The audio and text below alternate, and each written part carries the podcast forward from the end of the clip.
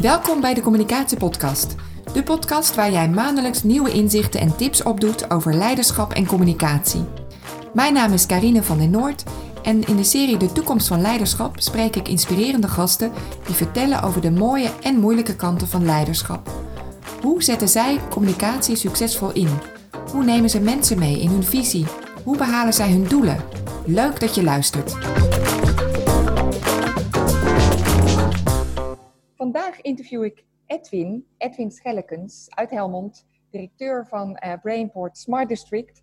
Edwin, ontzettend bedankt dat we jou mogen interviewen voor de communicatiepodcast. We gaan het hebben over leiderschap en communicatie en de manier waarop jij dat in de praktijk brengt. Uh, bij uh, de wijk waar jij uh, mee bezig bent, die jij aan het ontwikkelen bent met je team. Slimste wijk van de wereld gaat het worden, geloof ik, hè? Ja.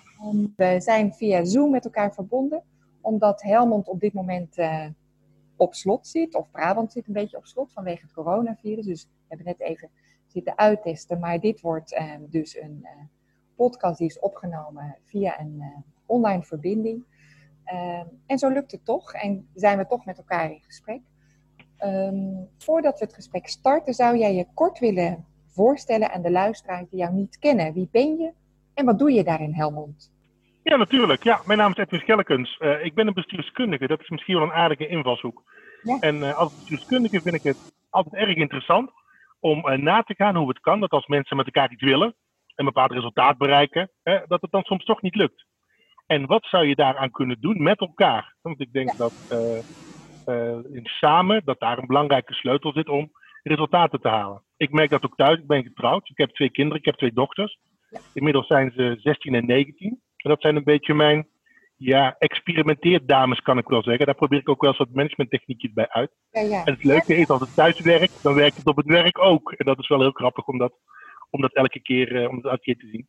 Ja, inmiddels ben ik twintig jaar bezig met allerlei vraagstukken van ruimtelijke ontwikkeling. Maar daarbij steeds meer eigenlijk uh, de onderliggende vraag van ja, wat willen we nu echt met elkaar? En wat zijn hier de fundamentele vraagstukken? En hoe zoeken we met elkaar de goede oplossing? Hoe doen we dat op een gedragen manier? Dat iedereen ja, in, zijn, in, in zijn hart dus de intrinsieke motivatie voelt om, om mee te doen. Zonder dat je echt als een soort uh, autocratisch leider daarboven moet staan en met een beeld van vroeger dat je aan allerlei touwtjes moet trekken. Nou, dat vind ik een uitermate, uitermate interessant concept. En je zegt, um, daar heb je bepaalde technieken voor, misschien ook opgedaan in de loop van de jaren door ervaring. Die pas je dan af en toe thuis toe.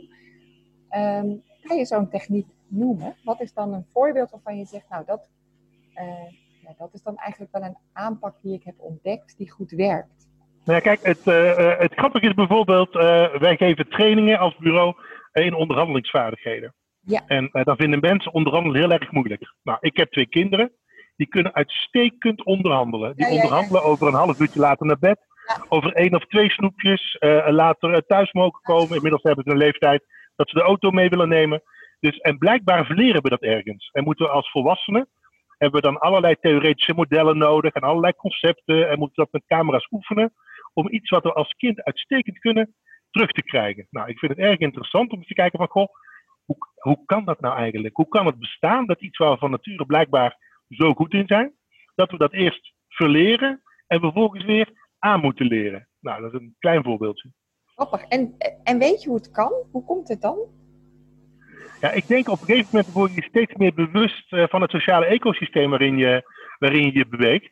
En je wordt je steeds meer bewust van, uh, van rangen en van standen. Uh, je wordt je steeds meer bewust dat de dingen die je zegt of die je doet, dat die consequenties hebben, die mogelijk, mogelijke risico's, hè, die ook hè, negatief geduid kunnen worden. Dus ik denk dat we steeds ja, voorzichtiger worden. Dus ik zie een soort, een soort ja, tegenstelling in podcasts en uh, Facebooks en LinkedIn, waar we een bepaalde openheid met elkaar lijken te betrachten. Uh, terwijl we in relaties ja, toch een beetje voorzichtiger aan het worden zijn en steeds meer aan het aftasten zijn met het gevoel voor verhouding en hiërarchie. Wat eigenlijk heel on-Nederlands lijkt te zijn. Denk je echt? Heb je het gevoel dat het steeds meer zo is? Dat we steeds voorzichtiger zijn? Nou, het grappige is, als wij mensen selecteren, dan uh, selecteer ik eigenlijk op drie hele simpele woorden. En dat is uh, hersens, humor, dapperheid. En uh, voor mij is hersens gewoon het, het snapvermogen. Het dingen begrijpen, dingen kunnen doorzien. Hè, maar ook vragen doorvragen. Dus echt op zoek naar de fundamenten. Voor mij is humor het leven met een lach. Maar ook dingen in perspectief kunnen zetten, kunnen reflecteren. Hè? Precies. En voor mij is dapperheid dat je zegt wat je doet en doet wat je zegt. En als je echt ervan overtuigd bent hè, dat de hele groep de verkeerde kant op gaat, dan is het ongelooflijk moeilijk, dat zie ik tenminste in de praktijk, voor heel veel mensen om te zeggen van, goh, ik ben het er eigenlijk niet mee eens. Ik denk niet dat het verstandig is. Hebben we hier met elkaar over gedacht? Ja. Hersens, humor, dapperheid, zeg je. Precies, ja. Ja, ik herken ook inderdaad die dapperheid. Dat je in een groep kan zitten en dat je ergens al het gevoel hebt van, ja, ik weet eigenlijk niet of we met de goede dingen bezig zijn, maar ja, iedereen gaat op die manier door. Dus nou, we kabbelen nog maar even door en af en toe praat je er misschien. Dan komt ook zo'n proces op gang waarbij je af en toe met anderen uit de groep over hebt, maar nog niet echt open uh, gooit of zo, hè? Klopt, ja. Heb je daar een tip voor? Hoe kan je dat, hoe kan je dat dan oppakken? Nou, ik, ik merk hè, dat het heel erg belangrijk is om uh, juist afwijkende uh, meningen een stem te geven. En dat werkt het beste als je in een groep niet alleen kijkt naar wat er wordt gezegd, of luistert naar wat er wordt gezegd, maar met name kijkt naar de lichaamstaal van mensen. Je ziet altijd wel in een groep iemand een beetje fronsen of bedenkelijk kijken. En uh, dan is het de kunst, hè, uh, als je dan zo'n groep een beetje mag modereren, hè, of je bent hè, degene die daar een klein beetje structuur aan geeft aan de gesprekken, dat je dan aan die mensen vraagt van, goh, ik zie jou fronsen, ik zie jou bedenkelijk kijken. Mag ik jou vragen wat er in jouw hoofd omgaat? Want ik heb zelf twijfels en ik heb het idee dat jij die ook hebt. Nou, en zo'n type open uitnodiging, die geeft uh, wel een, uh, ja, het, het, de goede respons. En dan merk je ook als je dat vaker doet, dat zo'n groep daaraan begint te wennen. Dat ze denken van ja, dat kun je hier dus zeggen. Sterker nog, dat wordt op prijs gesteld. En zo ga je eigenlijk, dat klinkt heel zwaar, ga je eigenlijk je eigen cultuurtje maken, waarin juist afwijkende meningen even tegenhangen, even checken van, weten we dit wel zeker? Dat dat ja, wat meer ja, het nieuwe normaal wordt. Prachtig. En daarmee hebben we dus eigenlijk al een eerste leiderschapstip van jou te pakken. als je zo jezelf voorstelt als bestuurskundige en trainer en de manier waarop je ehm, eh, processen begeleidt, dan is dit eigenlijk een belangrijke tip, zeg je. Uh, die drie woorden, humor, hersens, dapperheid en een cultuur creëren waarin mensen dapper durven zijn ja. en mening mogen uiten. Heel erg. Ja, dat denk ik wel. Ja, dankjewel. Um, even naar Helmond, wat doe je daar? uh, ja, de, de slimste wijk. En uh, daarmee ligt de ambitie echt enorm hoog. En dat is ook uh, de uitdaging en ook het leuke. Want dat betekent dat iedereen heel erg vrij mag denken. En we feitelijk ja, niet alleen technisch de slimste wijk willen zijn. Want het moet geen wijk worden met allerlei gadgets en allerlei ja, trucjes. Maar we willen ook sociaal de slimste wijk zijn. Ja. Dus dat mensen daar prettig wonen. Want uiteindelijk gaat het om kwaliteit van leven. En uh, die kwaliteit van leven die willen wij verhogen, die willen wij verbeteren. En daarbij willen we kijken hoe uh, nieuwe sociale verbanden en uh, de nieuwe technieken die we hebben, hoe die daarbij kunnen helpen.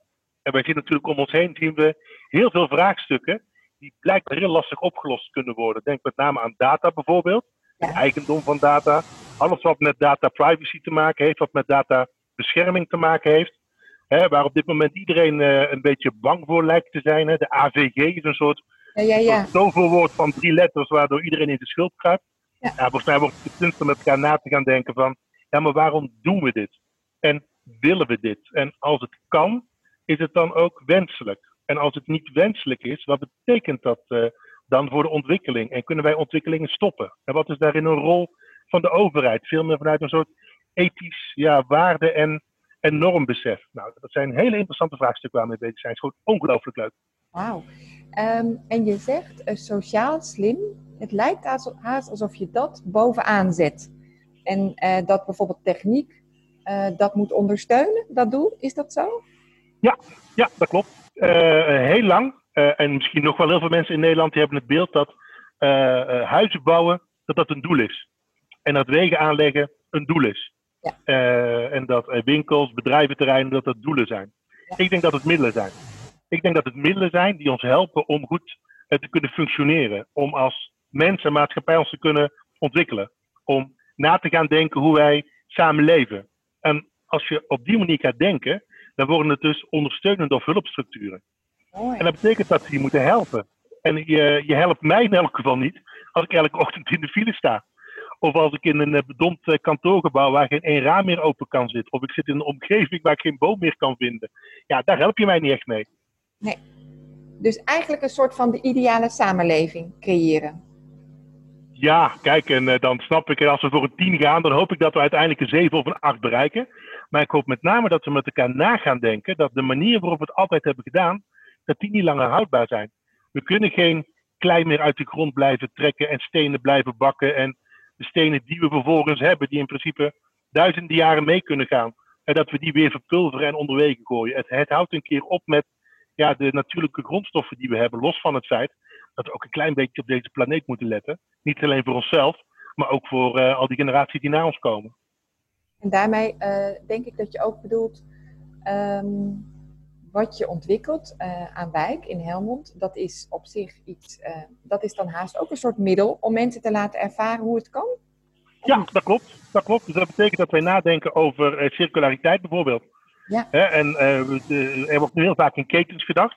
Ik las toevallig vanochtend een artikel in het Financieel Dagblad waarin stond dat nu de, dat Brussel nu regels gaat maken om te zorgen dat allerlei uh, wegwerptechnieken, zoals bijvoorbeeld mobiele telefoons, hè, die een levensduur van twee jaar krijgen. Want het is namelijk vanuit de business case veel praktischer om het dan weg te smijten en een nieuwe te, te kopen. Wat natuurlijk echt gewoon een ongelooflijke verspilling is van allerlei hulpbronnen. En blijkbaar is het zo dat dan Brussel regels moet stellen, omdat de business case hè, met shareholders value zo dwingend is, dat we toch anders maar gewoon in China nieuwe telefoontjes blijven maken die hier naartoe komen. Nou, ik denk dat het erg interessant wordt om gewoon voor jezelf af te vragen, ja, maar is dat eigenlijk normaal?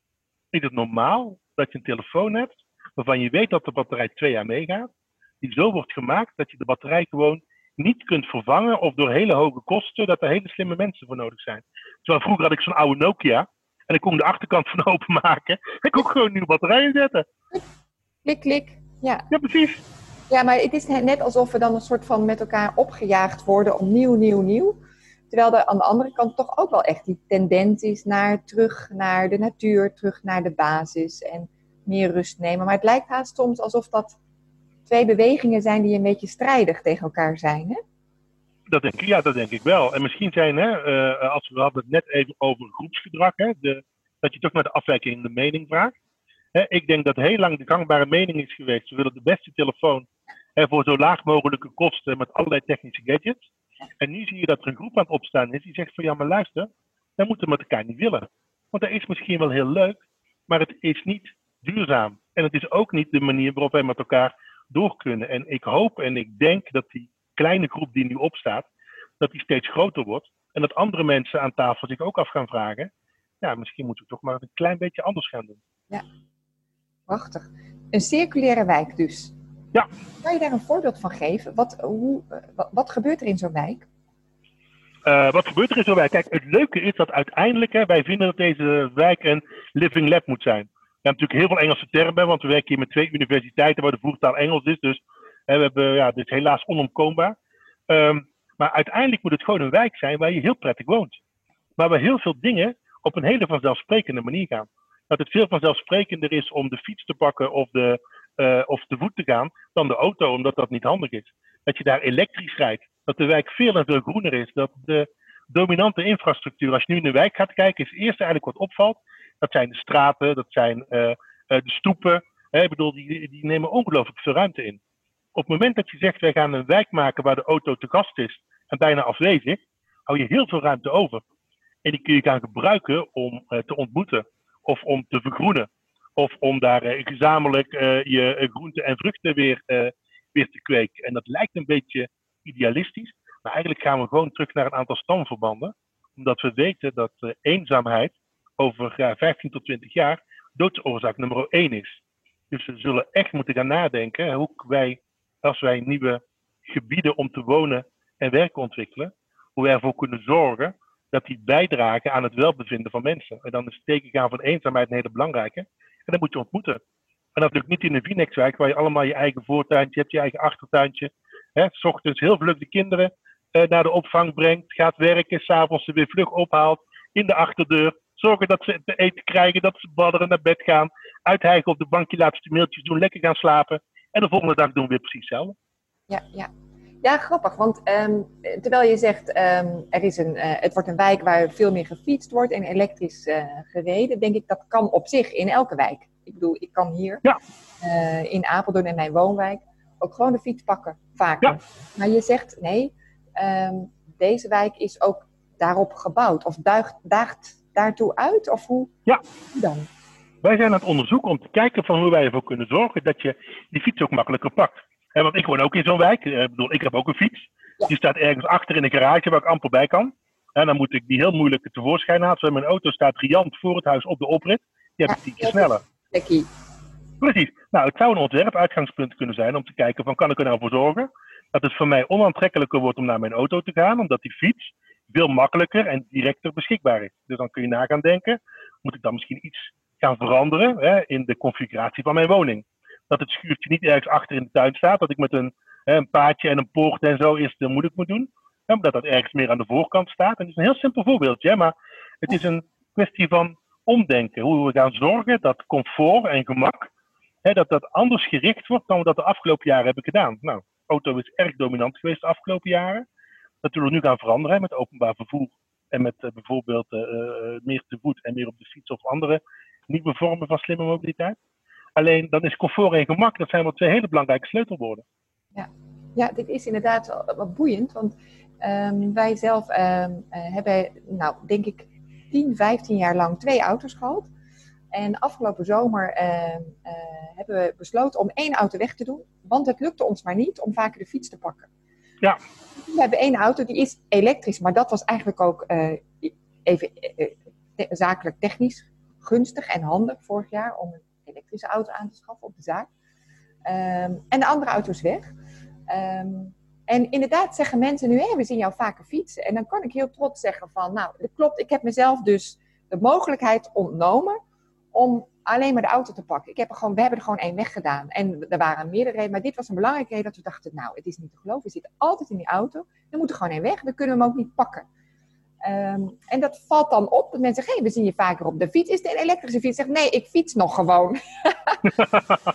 ik kan nu heel trots zeggen van, nou, ik zit heel vaak op de fiets. Maar ik heb dus, ik heb echt twintig jaar lang met de auto alleen ge, ge, gereisd. En uh, het is eigenlijk alleen maar omdat die auto er niet staat. En dus ik moet wel. En dat Ja. is wat jullie gaan doen met die wijk. Mensen eigenlijk, Precies, precies. En zo heb je een aantal ontwerpuitgangs. Precies. En het interessante is hè, om met elkaar echt na te gaan denken hè, van, hè, we zitten in een bepaald ecosysteempje met elkaar. Hè, daar zitten redelijk ingesleten patronen. Jij benoemt ze net, hè, twee auto's, hè, gemak, comfort. Ja. Kunnen we nu na gaan denken dat als wij nieuwe woongebieden en werkgebieden ontwikkelen, dat we daar inrichtingsprincipes op los proberen te laten. En welke zijn dat dan precies? Dat zijn we nu aan het ontdekken.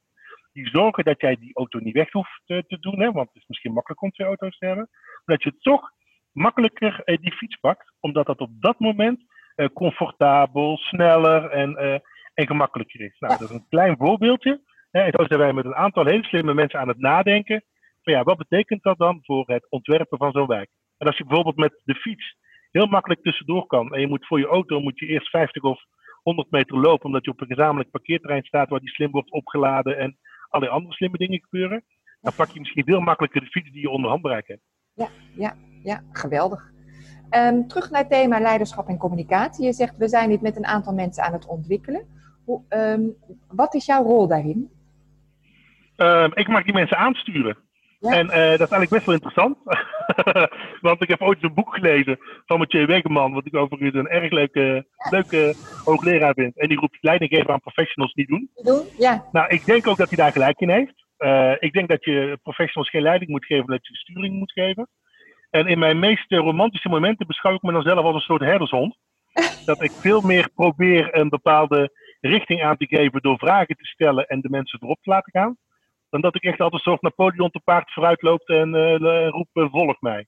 Ja. Dat is een beetje zeg maar, de manier waarop ik dat, waarop ik dat probeer. en eh, hoe ver zijn jullie met de ontwikkeling? Eh, we zijn op dit moment bezig met het bestemmingsplan. Dat betekent dat we dit jaar willen gaan, eh, willen gaan bouwen. Eh, we beginnen met een aantal tijdelijke woningen. De, het bestemmingsplan zal pas over anderhalf jaar klaar zijn. Want ja, in dit land hebben we het vreselijk ingewikkeld gemaakt om te kunnen bouwen. Ja. En dat heeft met rechtsbescherming te maken en dat heeft ook met verdelingsschaarse ruimte te maken. Dus dat snap ik. Alleen als je dan echt hele nieuwe dingen wil doen, ja, dan ontdek je dat dat niet past in dat hele systeem van regeltjes dat we hebben bedacht. En die regeltjes zijn ongelooflijk hardnekkig. Die zijn lastig, lastig aan te passen. Dus wij hebben nu het woordje pilot. En wij hopen dat als we overal maar het woordje pilot opplakken, dat we even wat regelruimte krijgen om nieuwe dingen te testen en uit te proberen. Waarvan vervolgens iedereen zegt, ja, maar dit moet het nieuwe normaal worden. Dit willen wij ook. Want dat is wat we met Brainport Smart District willen. Een systeem van open innovatie. Dat al die nieuwe dingen die we hier ontdekken, dat die zoveel mogelijk gekopieerd en nageaapt worden door, uh, door iedereen. Dan moet dat die beweging maken. Ja. Maar het is dus nodig om er een ander woord op te plakken. Pilot, zeg je. Ja. Anders kom je er niet door? Nee, anders is, anders is het anders bekend. Eh, een pilot geeft iedereen het comfort van dit is iets afwijkends, we doen iets speciaals, dit is nog even niet de nieuwe norm. Hè. Dus laten we daarom hè, even wat meer regelruimte organiseren om eens te kijken wat het, uh, wat het doet. Als je er meteen een soort standaard van maakt, ja, dan staan we met z'n allen weer bij de Raad van State. Die dan constateren dat de Tweede Kamer eerst, uh, eerst aan zet is. Ja, dat zijn hele langlopende processen. Ja, ja. Ehm, wat zijn andere uh, tips die je hebt om als je een innovatie hebt als ondernemer of misschien wel als uh, medewerker bij een overheid of bij een stichting? Um, dit, dit is eigenlijk een tip. Dat je zegt, maak er een pilot van. Bijvoorbeeld, ja, precies. Precies. Iets heel bazaals. Het klinkt ook, ik, ik, twijfel of ik het ga zeggen, want het klinkt een beetje cliché, maar durf fouten te maken, maar dan oprecht. Ik heb uh, een, uh, een, bestuur, hè, wat bestaat uit twee universiteiten, de gemeente, de provincie, Brainport Development. En die geven mij en ons de ruimte om fouten te maken. Maar ik heb me hardop afgevraagd, nou, ik ben heel benieuwd wat er gaat gebeuren bij de eerste grote valpartij. Hè, want fouten hebben consequenties. Hè, en dan wordt het bestuurlijk vaak wat, wat ingewikkeld dus ja, dat is de manier waarop we dit land hebben ingeregeld. Maar je hebt echt de ruimte nodig om dingen te proberen. En niet alles wat je gaat proberen, dat gaat lukken. Dat weten we, dat weten we zeker. dus we proberen heel gecontroleerd, proberen we toch te kijken van als wij experimenten aangaan met nieuwe infrastructuur of uh, met bewoners waar we nu mee bezig zijn, die de ruimte hebben gekregen om zelf hun, hun woning te, te ontwerpen met een minimum aan regels ja, daar leren zij heel veel van. En daar leren wij ook ongelooflijk veel van. En uh, echt niet alles gaat goed. En ik denk het belangrijkste dat we geleerd hebben, is hoe belangrijk taal is. Oké. Okay. Uh, eh, ja, wij uh, denken, wij, in de professionele wereld heb je het over kavels en over planningen. En ik kan zo een heel riedeltje aan vakjargon kan ik, kan ik opnoemen.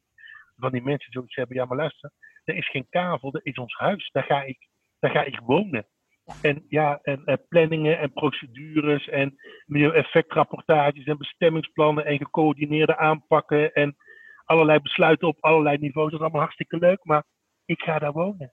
En wanneer kan ik daar gaan wonen? En kan ik daar een beetje naar mijn zin gaan wonen? En als ik nou al die vrijheid heb, eh, hoe gaan jullie er dan voor zorgen als ik met een ideetje kom, dat er toch niet iemand ergens een rood pennetje pakt en zegt ja, maar dat past niet in uh, bouwbesluit artikel 12 lid C sub A. Hoe gaan we daar nou met elkaar voor zorgen? Dat zijn gewoon hele goede vragen. En dan is taal, merk je, uh, uh, Jip en Janneke, dan doe je mensen tekort. Ja. Maar als professionals zijn wij wel heel erg gewend om in ons eigen leventje met onze eigen taal te spreken. En dan merk je dat taal, hè, dat maakt of inclusief, hè, dat zorgt dat je bij een bepaalde groep hoort. Of het laat juist heel duidelijk merken dat je niet bij zo'n groep hoort, omdat je net even niet de goede termen gebruikt. Dan mis je soms gewoon de boot, hè? Ja, dan mis je inderdaad soms gewoon de boot. Ja. ja. Jij bent eigenlijk een soort van met jouw team de vertaler van die prachtige procedurewoorden naar de wens van uiteindelijk een inwoner die een hele fijne wijk wil?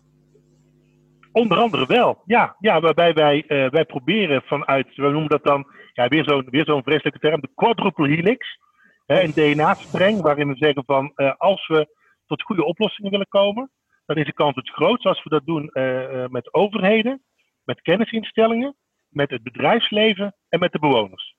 En als je die vier groepen bij elkaar zet en je gaat over oplossingen nadenken, dan krijg je dus echt vier heel verschillende invalshoeken. En dat maakt dat die oplossing waarschijnlijk hè, beter is dan dat je dat vanuit één invalshoek zou doen, maar ook een grotere draagkracht krijgt. Maar daar hebben we dus weer zo'n term voor nodig als een quadruple helix met een DNA-streng. En daar zit een heel conceptueel model achter. Terwijl je feitelijk ook tegen elkaar kunt zeggen van, goh, hè, als we nou gewoon met uh, bewoners, bedrijven, uh, overheden en uh, scholen aan tafel gaan zitten met een bak koffie. Ja. En we gaan gewoon eens kijken van, wat is hier nou echt het probleem? En als dit echt het probleem is, wat is dan de echte oplossing? En gaan we daarvoor met z'n allen?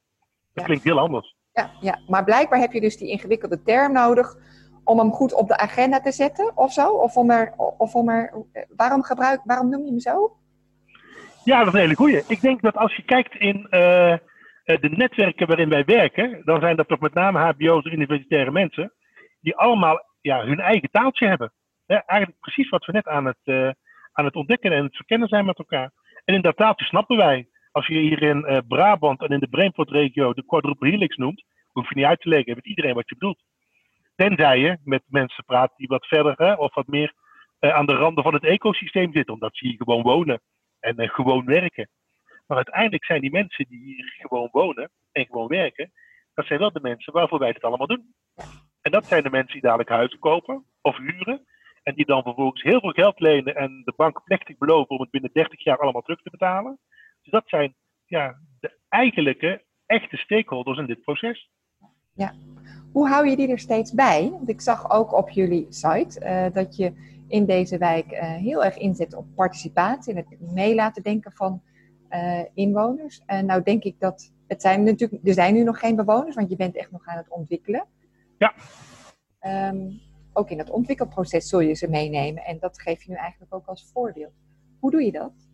Nou, wij, wij nodigen mensen uit hè, om, om met ons mee te denken. Uh, er zit gelukkig al een hele grote school in het gebied, het Carodes. En die heeft geweldig mooie ruimte. Dus daar mogen wij gebruik van maken. Dus daar kunnen we heel veel bewoners kunnen we daar ontmoeten.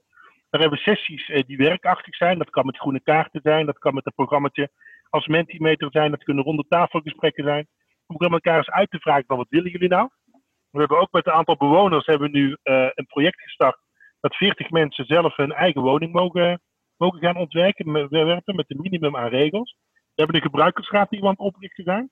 Dus wij proberen ja, heel sterk om die vier groepen uit die quadruple helix, om die met elkaar in contact te brengen. Ja, en de werkelijkheid is weer barstig. Heel bazaal bijvoorbeeld, uh, mensen die niet professioneel bezig zijn met dit soort projecten, die hebben overdag gewoon ander werk. Ja. En dat betekent dat je dan s'avonds moet gaan vergaderen. En iemand die de hele dag gewerkt heeft, zegt op een gegeven moment: hè, Ja, maar luister, als ik dan s'avonds ook nog moet werken, hè, want voor professionals is het toch vaak zo werk. Ja. ja, daar heb ik ook niet zo'n zin in. Dat is een heel klein en simpel voorbeeldje waarop dat laat zien hoe die werelden uit elkaar lopen. Ja, dus het blijft een uitdaging. En, en, en ja. ja, ja, prachtig. Um, waar ben je het meest trots op? waar ben ik het meest trots op? Ik denk dat ik dit mag doen. Dit is echt een, het is echt een hele leuke klus om zo'n nieuwe wijk uh, vorm te geven. Ik ben trots op het team met wie ik het, uh, met wie ik het doe. Want wij vragen echt heel veel van die, uh, van die mensen. In termen van denken, in termen van, van doen. Uh, je hebt echt een bepaalde passie voor het werk nodig om elke keer die net even die stap verder te zetten, net even door te vragen, net even te doordenken, net even ja, niet ja, uh, dingen voor gewoon of vanzelfsprekend aan te nemen, maar echt naar de achterkant te zoeken. Ja, dat vraagt een behoorlijke, een behoorlijke inzet. Los van het feit dat we natuurlijk hè, vooruitstrevend bezig zijn, dus je moet ook je vakliteratuur goed bijhouden. Dus nee, dit legt een behoorlijke druk op mensen. Maar je merkt dat iedereen het gewoon heel erg heel erg leuk vindt. Dus uh, ik hoop dat iedereen hier toch een beetje in blijdschap zijn of haar geld aan het verdienen is. Want ja, dat zou wel heel mooi zijn. Mooi. En wat is jullie grootste uitdaging? Uh, te zorgen dat er dit jaar wordt gebouwd. Okay. Dat er, uh, ja, dat er die tijdelijke woningen komen die we graag willen. Er is hier in de regio een woondeal besloten. 1500 woningen komen in de hele regio. Er komen er 500 van in Brainport Smart District. En wij willen natuurlijk dat dat hele slimme woningen zijn die ook nog eens een keer voor iedereen toegankelijk zijn. Dus mensen met een dikke portemonnee en een dunne portemonnee. Mensen die helemaal zelfstandig kunnen wonen of die meer beschermd moeten wonen. Mensen die al volledig geïntegreerd zijn in de samenleving. Of mensen die van buiten komen en nog een beetje hulp nodig hebben. Dus we willen echt kijken dat die inclusieve wijk die we willen, dat we die ook al kunnen gaan maken met die 500 tijdelijke woningen. En dat is een grote uitdaging. Ja, ja. En, en, en is zo'n wijk er al? Ergens, heb je een voorbeeld waar je naar kijkt? Van je zegt van... Uh, we hebben ooit een keer een beetje naar uh, Toronto gekeken. Daar heb je Sidewalk Labs. Daar heeft iedereen wel een keer denk ik van gehoord in, uh, die een klein beetje zich met dit dingen bezighoudt. En, uh, maar daarvan hebben we wel heel snel ontdekt, ja, dat is hem in elk geval niet. omdat wat je daar ziet, daar zijn toch de, de mensen en het bestuur zijn daar een klein beetje bij het spel gezet. Hè. Dat dacht het, een heel groot bedrijf dacht, dat regel ik wel even. En vervolgens kwam er zoveel bestuurlijke en maatschappelijke weerstand, dat ze nou nog steeds niet verder zijn. En daar hebben wij wel heel veel van geleerd in die zin dat uiteindelijk, als we gaan kijken wat we hier aan het maken zijn, dan gaan we geen living lab maken dat iedereen zich een soort uh, ratje voelt in een laboratorium. Maar we gaan hier een geweldige wijk bouwen, waar het perfect is om te leven, waar je hele mooie nieuwe technieken, maar ook nieuwe manieren van samenleven gaat, uh, gaat ontdekken en waar je gewoon gelukkig kunt zijn. Supermooi. Ik wil heel graag nog als laatste even stilstaan bij het thema leiderschap en de toekomst van de leider. Dus dan gaan we even van Helmond en weer terug naar jou als leider. Um, wat, um, ja, wat is volgens jou de leider? Dus we hebben het gehad over de wijk van de toekomst. Wat is de leider van de toekomst? Ik denk dat uh, de leider van de toekomst, ik denk dat hij een beetje bipolair moet zijn. Ik denk dat een uh, leider van de toekomst, dat hij aan de ene kant oog moet hebben voor zijn team. En uh, de kennis en kunde, want er lopen zo ongelooflijk veel slimme mensen rond. Die soms veel slimmer zijn dan de leider zelf, of heel vaak veel slimmer zijn. Dus hoe ga je zorgen dat je die resources op de goede manier benut? En dat je daar een bepaalde alignment in krijgt, dat ze met elkaar de goede dingen doen. Ik denk dat dat een heel belangrijk element is van, van leiderschap. Ik denk dat een ander belangrijk element is dat je ook op een gegeven moment zegt van goh luister, nu hebben we genoeg gesproken, nu moeten er besluiten genomen worden. Nu is het even klaar. En dat je daar een soort no-regret policy op, uh, op loslaat. Dus het heeft aan de ene kant te maken met een aantal soft skills. Hè, dat je mensen uh, ruimte geeft en dienend leiderschap. En we kennen allemaal dat soort termen. Maar aan de andere kant uh, merk ik ook dat er steeds meer behoefte is aan iemand die zegt van oké, okay, nu is het klaar. En nu gaan we met z'n allen gaan we, gaan we rechtdoor. Ja. En dan gaan we vanaf dat punt gaan we weer met elkaar verder. Dus dat noem ik een klein beetje bipolair, want het zijn toch de uiterste ja, van het spectrum. Dat je, en ik denk dat de kunst om die met elkaar te verweven, ik denk dat dat uh, de goede leiders van de toekomst gaat vormen. Dus bij iemand die bijvoorbeeld uh, heel erg van de soft skills is, die dat van nature heeft, of misschien wel de empathisch leider, die zou zich dan toch ook op het andere stuk wat meer moeten gaan bekwamen, trainen. Ja. En juist de leider van, nou trouw, en we gaan uh, toch een beetje voor de troepen uit, die moet weer juist dat andere proberen toe te, toe te passen of zich toe te eigenen. Ja, precies. Waarbij het de kunst is om niet in het midden uit te komen, want dan krijg je iets ondefinieerbaars. Nee, het wordt echt de kunst om te schakelen tussen de uiterste van het spectrum. Dus ik denk dat dat de grootste uitdaging is. En waar zit jij in het spectrum? uh, ja, ja, misschien wel een beetje aan alle, allebei de kanten. Ik, uh, ik vind het heerlijk om met hele slimme mensen bomen op te zetten en daarvan van te leren en een bepaalde dynamiek te creëren. Maar ik merk ook een bepaald ongeduld. Ja. Dat op een gegeven moment denk ik, ja, dan vind ik het eigenlijk lang genoeg. Nu hebben we ook een besluit nodig. Ja, dan ga ik wel heel erg strak sturen op van, goh luister, we hebben nog, uh, wij spreken een uurtje. En uh, ik wil wel een besluit hebben.